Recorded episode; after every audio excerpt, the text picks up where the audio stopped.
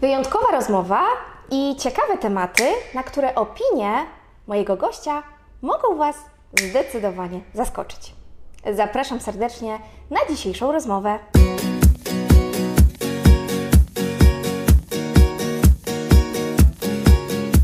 Moim gościem jest doktor nauk medycznych, pan Dariusz Michalik, chirurg-onkolog specjalizujący się w zabiegach piersi. Na co dzień pan doktor kieruje oddziałem chirurgii onkologicznej i rekonstrukcji piersi w szpitalu specjalistycznym imienia Świętej Rodziny w Warszawie. Pan doktor jest również autorem poczytnej książki pod tytułem Rak piersi między ryzykiem a szansą, która ukazała się nakładem wydawnictwa Book Edit. Panie doktorze, serdecznie dziękuję za możliwość rozmowy. Cała przyjemność po mojej stronie.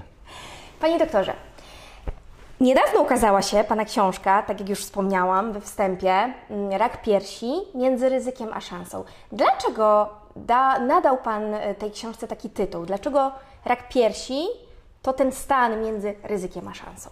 Wiadomo, że rak piersi jest stanem ryzykownym, jest pewną sytuacją ekstremalną. Natomiast jeśli y, tego raka y, przeżyjemy i przeżyjemy ten czas leczenia dość traumatyczny, ale jeśli dobrze to przepracujemy jako osoba, jako kobieta, jako człowiek, to pojawia się szansa innego, być może lepszego, na pewno bardziej świadomego życia. Mam wrażenie, że to takie, taka kompilacja tych pytań i takich zagadnień, które bardzo często w Pana praktyce pojawiają się w niezliczonych rozmowach z pacjentkami i to taka trochę próba opisania, prawda, tych, e, tych najczęstszych pytań dotyczących właśnie choroby, jaką jest rak piersi. To jest odpowiedź na najczęstsze, najczęściej zadawane pytania, najczęściej, pojawiające się najczęściej wątpliwości i uwaga, sposób, w jaki te wątpliwości wyjaśnia. Mhm. O tym aspekcie, powiem, dość kontrowersyjnym i niepopularnym, dotyczącym e, raka piersi, chciałabym dzisiaj w szczególności z Panem porozmawiać. E, mam nadzieję, że wywiąże nam się z tego ciekawa dyskusja. E, I pierwsza rzecz, którą no, nie da się jej nie zauważyć w książce, to między innymi aspekt podejścia Pana doktora do tematu samobadania. Dlaczego jest Pan, Panie doktorze, raczej oponentem niż sprzymierzeńcem samobadania? Jak ja rozumiem samobadanie piersi i jak to było rozumiane? Jest pewna różnica, bo to się samobadanie piersi to jest w języku tym naukowym self-examination. Tak, tak, właśnie tutaj zestawiamy te dwa terminy, self-examination i self-awareness, prawda? Burst awareness. Tak, burst e, awareness, dokładnie. I e, ten self-examination Y, czyli to takie nasze potoczne samobadanie. Czyli co, y, jak to y, można zdefiniować? My uczymy pacjentkę technik samobadania. Dokładnie. Czyli ona przechodzi formalne, formalne musi być wykształcona mhm. w tym. Co się okazało? Że te pacjentki, które były uczone samobadania, mhm. wcale nie y, mają większej szansy na przeżycie niż te, które nie, sto, nie były uczone tych technik. Natomiast y, y, to badanie, bo ja akurat zapoznałem się z tekstem mhm. źródłowym, budziło największe kontrowersje, bo jedna rzecz była szkodliwa. To jest coś, co obecnie, na co obecnie bardzo się zwraca uwagę, tak zwana jakość życia. Mhm. Czyli po prostu pogarszała jej się jakość życia tych pacjentek, które były uczone technik samobadania. Dlatego, że y, wzrastał poziom y, mhm. lęku mhm. przed zachorowaniem. Natomiast czym się różni self-examination od właśnie breast awareness? Jeśli pani y, sobie przeczyta na przykład y, zalecenia y, w, amerykańskie, tam nie ma self-examination. Tam jest breast awareness. Mhm. Y, co to, jak to należy rozumieć? Jeśli coś mnie, najprościej, jeśli coś mnie niepokoi e, w, e, w moim stanie zdrowia, powinnam e, zasięgnąć porady lekarza. Dotyczy to każdej, każdej choroby. I jest coś takiego, że my mamy wbudowane, wbudowany obraz własnego ciała. I tak naprawdę wszelkie zmiany, jeśli będziemy, jeśli rozsądnie do tego podejdziemy, jesteśmy w stanie, w stanie zobaczyć. Generalnie bardziej, y, przynajmniej z mojej perspektywy, y, bardziej niż, y, niż ten, ten self-examination jest istotna ten breath awareness. Żeby po prostu, jeśli coś mnie niepokoi, nie chować go w piasek. Chciałbym, żeby, żeby, żeby wyniki, ta interwencja profilaktyczna, żeby była super skuteczna. Ale nie jest super skuteczna. Ma bardzo dużo ograniczeń i Wokół tego jest bardzo dużo, dużo e, kontrowersji, które od wielu, już kilku lat są, e, są podnoszone w środowisku medycznym ci e, ludzi, którzy się tym zajmują. Natomiast, natomiast no, nie ma na razie, jest to ogólnie zalecane, ale generalnie trzeba, według mnie, uczestniczyć w programach profilaktycznych typu mamog- program przesiewowy mamograficzny, mhm. należy traktować jako Y, część y, zdrowego trybu życia. Znaczy ja myślę, że, że w ogóle podejście profilaktyki to y, też jest czasem błędnie rozumiane, bo profilaktyka nie, nie, niekoniecznie ustrzeże nas przed zachorowaniem. Tutaj chyba bardziej chodzi o to, aby, aby tę profilaktykę albo aby to wykrycie tej choroby znaleźć na tyle, przynajmniej w świecie onkologii, na tyle wcześnie, że jakby te opcje leczenia są o wiele większe właśnie z racji tego, że wykrywamy trochę stadium danej, danego zachorowania wcześniej. Ale jeszcze, Panie Doktorze, y, w pewien sposób odwołując się do tego, y, co Pan mówi właśnie o, o samobadaniu, jakby nie chciałabym wylać dziecka z kąpielą, bo mam wrażenie, że to podejście było dobre, tylko no właśnie trochę też jest niezrozumienie tego, no właśnie, samoświadomości piersi, samoświadomości ciała kobiety.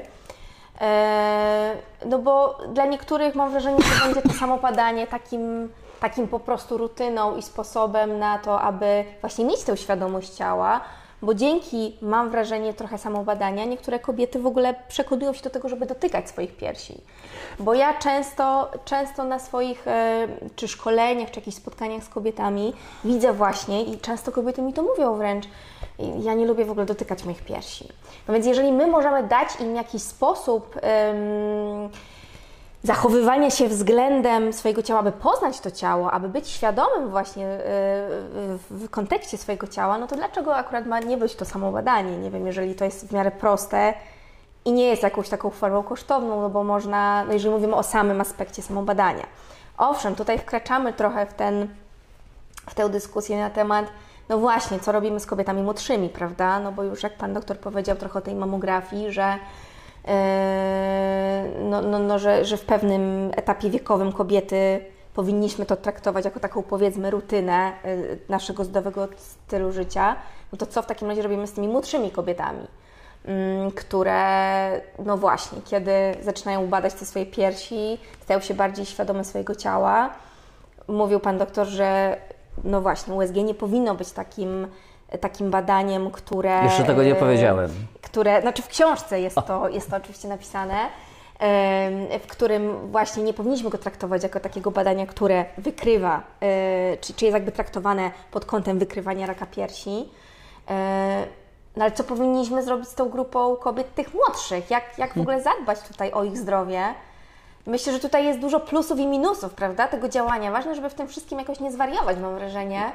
E, jeżeli mówimy o tej świadomości swojego ciała, bo ja uważam, że jeżeli jesteśmy w stanie tym kobietom coś zaproponować, takiego, żeby one w ogóle nawet zwracały uwagę na to, że, że te piersi są i żeby traktowały je tak samo, jak ja często mówię na swoich e, spotkaniach, nie wiem, jak oko, ucho, kolano, żeby po prostu no, mieć świadomość, że ten, ten organ jest i też trzeba o niego dbać. No to dlaczego akurat nie? Nie bądź sama, bądź dobrze poinformowana to ma aspekt mhm. y, y, absolutnie praktyczny. Na co mamy wydawać pieniądze? Mhm. Czy będziemy wydawać na y, badanie zdrowych ludzi i diagnozowanie zdrowych ludzi, czy nie lepiej te pieniądze przeznaczyć na bardziej efektywne leczenie, na lepszą organizację pomocy naszej, Dlatego, że y, to jest tak, że te badania y, profilaktyczne, y, to znaczy te badania, które, większość badań, które były wykonane, które udowadniały przydatność mamografii, pochodzi z lat 90. Mamografia pod tym względem jest badaniem nie, całkiem nie najgorszym, jeśli chodzi o te wyniki fałszywie, fałszywie dodatnie. Natomiast USG, jeśli większość pacjentek zdrowych No w wieku na przykład 40 lat zrobi sobie badanie, badanie USG, większość z nich będzie miało nieprawidłowości w badaniu. Z, z częstym dopiskiem wskazana konsultacja onkologiczna. Większość pacjentek, która trafia do onkologa, trafia do onkologa z powodu nieprawidłowych wynik, wynik, nieprawidłowego wyniku badania USG piersi. Nadużywanie USG powoduje zbytnie obciążenie onkologów, czyli og- tak naprawdę ograniczenie dostępu do kanałów y, typowo y, onkologicznych, czyli dłużej się czeka na USG, y, dłużej się czeka na diagnostykę, dlatego że przy okazji my musimy, my musimy diagnozować, czyli wyjaśniać te problemy, które wynikają z samych badań USG. Mgowitka, litka. Dobrze, mamografia w tym wieku, a co wcześniej? USG. Wszyscy, wszyscy odpowiadają. Jaka jest właściwa odpowiedź? Nic. Nic. Nie ma y, y, profilaktyki raka piersi czy opracowa, opracowanych schematów dla tak zwanych kobiet o przeciętnym ryzyku zachorowania na raka piersi. Czyli powinniśmy zaczynać y, y, działania profilaktyczne u, wcześniej w, wyłącznie u kobiet wysokiego ryzyka, czyli z reguły to są pacjentki z mutacjami y, w, w genie BRCA1 czy BRCA2 lub takimi, które już zachorowały na raka A nie uważa Pan doktor, że powinny być jednak jakieś badania przesiewowe tej młodszej grupy kobiet? No bo wszystkie statystyki mówią o tym, że ta zachorowalność wśród młodych kobiet e, jednak się podwaja, tak? No, są badania, nie potrafię teraz akurat przytoczyć źródła, ale wiem, że w ostatnim 30-leciu ta liczba młodych kobiet zdiagnozowanych z rakiem piersi się podwoiła. No więc gdzieś ta potrzeba chyba staje się takim, em, taką sytuacją, że, że może te wytyczne w kontekście tych młodszych kobiet będzie, będzie się to zmieniać. Nie sądzę. Zasada leczenia raka piersi obecnie y, sprowadza się do profilaktyki przerzutów. Co spowodowało, y, co spowodowało y, to, że y, wyniki leczenia szczególnie u młodych kobiet. Ja jeszcze, jeśli zaczynałem w, latach 90., jeśli przychodziła yy, 30-latka yy, czy 30-parolatka do leczenia raka piersi, to widzieliśmy ją już po tamtej stronie. Jako przypadek prawie że Beznadziejny. beznadziejny. Że wkrótce, w ciągu kilku lat najwyżej umrze. W tej chwili największy postęp w leczeniu dotyczy młodych kobiet. Dotyczy najbardziej agresywnych typów nowotworów, dlatego że wyniki leczenia tego hormonozależnego raka piersi u starszych kobiet od wielu lat y, specjalnie się nie, nie zmieniają. Czyli tego raka, y, który, który my jesteśmy w stanie wykryć w badaniach profilaktycznych. Natomiast przełom, przełom dotyczy tych agresywnych postaci. Dwa i potrójnie A to, y, to leczenie niestety kosztuje. I na tym etapie, czy warto promować badania y, w- tak zwane profilaktyczne, żeby, no, jeśli nie wiemy, co, co, co robić, róbmy, róbmy cokolwiek. Ja jestem przeciwnikiem tego typu y, b- myślenia, dlatego że to, to jest po prostu myślenie życzeniowe. My chcielibyśmy, żeby tak było. Y, Bo można zaczyna- odnieść wrażenie, że ja jestem przeciwnikiem badań profilaktycznych. nie, myślę, nie ja, ja chciałbym, żeby to działało. Ale nie bardzo. Generalnie mamografia jest jedynym badaniem, który ma udowodniony wpływ na zmniejszenie śmiertelności z powodu raka piersi. Ten y, wpływ jest, y, jeśli chodzi o zmniejszenie śmiertelności, jest, ocen, y, jest oceniany na poziomie około 20%. Czyli y, on jest istotny, Ale nie spektakularny. inwestujmy, ale nie w, w gabinet y, USG. Inwestujmy w nowoczesny system y, niesienia pomocy i inwestujmy w nowoczesne terapie, ale też badania nad nowoczesnymi terapia, terapiami. Coraz więcej mówimy o jakości życia, o unikaniu niepotrzebnej eskalacji leczenia. Staramy się, żeby, żeby po prostu nie eskalować tego leczenia w sytuacjach, kiedy nie, nie, jest to nie jest to y, konieczne. Kiedy nie jest to konieczne. Nie bądź sama, bądź dobrze poinformowana. Zastanawiam się, czy to też nie jest e, taki te, te, te nadmiernie pozytywne, e, fałszywe wyniki dotyczące USG, czy to też nie jest problem w ogóle, problem diagnostyczny, że, że ta jakość e, diagnostyki, no bo jeżeli gdzieś na tym etapie no, radiologicznym dałoby się wykluczyć już E, taką, te, te, taki wynik, który nie byłby podejrzany, no to ta pacjentka nie trafiłaby też, prawda, do, do tego onkologa. I to jest kolejny problem, to jest jakość. To wykonuje USG. I jakie warunki musi mhm. spełnić, spełniać e, człowiek, który wykonuje USG? Musi przejść kilkutygodniowy, kilkudniowy kurs e, USG i, zdoby, i zdoby, zdobywa certyfikat, y, y, a to jest badanie trudne. Tak. Bo dlatego, że y, badania, dlaczego badania USG, badań USG nie wykonuje się masowo? Dlatego, że jednym z wad, jedną z wad tego badania jest subiektywność. Czyli ten sam obraz może być różnie interpretowany przez różnych lekarzy.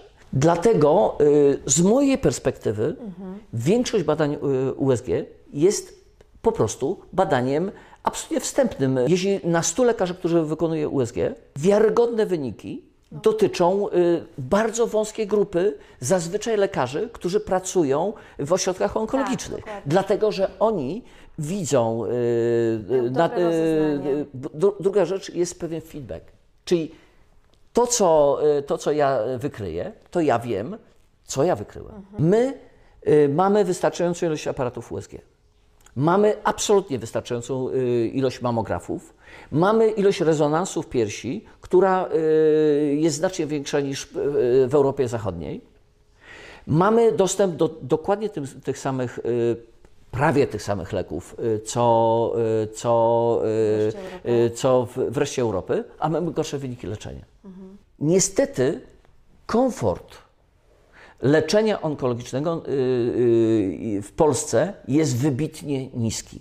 To jest naprawdę droga y, bardzo wyboista i to znacznie bardziej wyboista, niż by wynikało to z samych negatywnych skutków naszego leczenia. Ale każda pacjentka, która będzie, będzie jest, jest leczona onkologicznie, wie, że coś jest nie tak, że ten komfort jest niski, że kiedy ona sama musi zbyt bardzo być zaangażowana w samą techniczną stronę yy, całej, terapii. Całej, mhm. całej terapii. Znowu, to jest pozbawienie takiej trochę no, godności. Mhm. Czyli trochę trzeba, żeby stać się świadomą pacjentką onkologiczną, szczególnie w naszym systemie, trzeba przejść formację. Nie bądź sama, bądź dobrze poinformowana. Tak jeszcze na koniec chciałabym zapytać, co powiedziałby Pan każdej kobiecie takiej e, świeżo zdiagnozowanej? Na co warto zwrócić uwagę? Jak, się, jak nastawić głowę? Bo już ustaliliśmy, że głowa w tym procesie leczenia jest ważna. E, jak to zrobić, aby w miarę Mm, o dobrych siłach przejść przez to leczenie i właśnie wyjść z tego leczenia e, wzbogaconym o doświadczenie, a nie no właśnie, pobitym. Powiem w ten sposób. To nie jest tak, że ja się zastanawiam nad mhm. odpowiedzią, tylko, tylko e, czy to będzie e, dobrze zrozumiane. Mieć szczęście, mm. żeby trafić na dobrego lekarza na samym początku. Im więcej mamy czasu y, od momentu zdiagnozowania, a nawet podejrzenia, y, do momentu włączenia leczenia, tym więcej mamy czasu na przygotowanie pacjentki. Jest wystarczająca ilość czasu, żeby przemyśleć y, problem, żeby się do tego przygotować, żeby znaleźć właściwy ośrodek, właściwego lekarza, który, który po prostu spełni trochę moje oczekiwania. Druga rzecz, bardzo istotna rzecz. Yy, Szczególnie dotyczy to pań trochę starszych. Rozwiązać swoje problemy zdrowotne, które miałem wcześniej. Dlatego, że w momencie leczenia może, może to nam przedłużyć leczenie, czyli rozwiązać te problemy tak zwane ogólnomedyczne. Kolejna rzecz, y, co jest do zrobienia, to jest, mamy wystarczającą ilość czasu, żebyśmy po prostu sobie zorganizowali życie. Czyli praca, relacje e, w rodzinie. Chodzi o to, żeby w momencie leczenia, czyli kiedy już, już się, już zaczyna się, to żeby mieć to wszystko poukładane. Y, Ja zawsze y, powtarzam, że y, trochę trzeba, trzeba bohaterstwa. Trochę trzeba bohaterstwa. Dlatego, że generalnie w czasach spokoju nikt nie wie, czy jest bohaterem, czy nie. To jest trudne. Ale proszę mi wierzyć, że znam bardzo dużo, y, dużo y, pań, którym to się udało. I tym optymistycznym akcentem e, kończymy naszą dzisiejszą rozmowę. Panie doktorze, serdecznie dziękuję za bardzo inspirującą rozmowę. Wbrew pozorom, bałam się jej trochę, przyznaję, ale, ale naprawdę e, dużo ciekawych wątków. E, będę musiała jeszcze na spokojnie raz przemyśleć. E, Wszystko to, o czym rozmawialiśmy dzisiaj, bo to rzuca zdecydowanie nowe światło na, na wiele, e, wiele rzeczy, o których ja wiem e, w kontekście raka piersi. A Was, dziewczyny, oczywiście odsyłamy na kanał. Mm, Prosimy, abyście nie bały się e, prosić o pomoc, kiedy jest ona potrzebna. Tak Jak Pan doktor powiedział, zaopiekujcie siebie, zaopiekujcie swoje otoczenie i oczywiście trzymamy kciuki za Wasze leczenie. E, Śledźcie kanał. Jeżeli macie jakieś pytania, to oczywiście piszcie. Dziękujemy Wam za uwagę. Życzymy dużo zdrowia. Trzymajcie się. Cześć. Wszystkiego dobrego.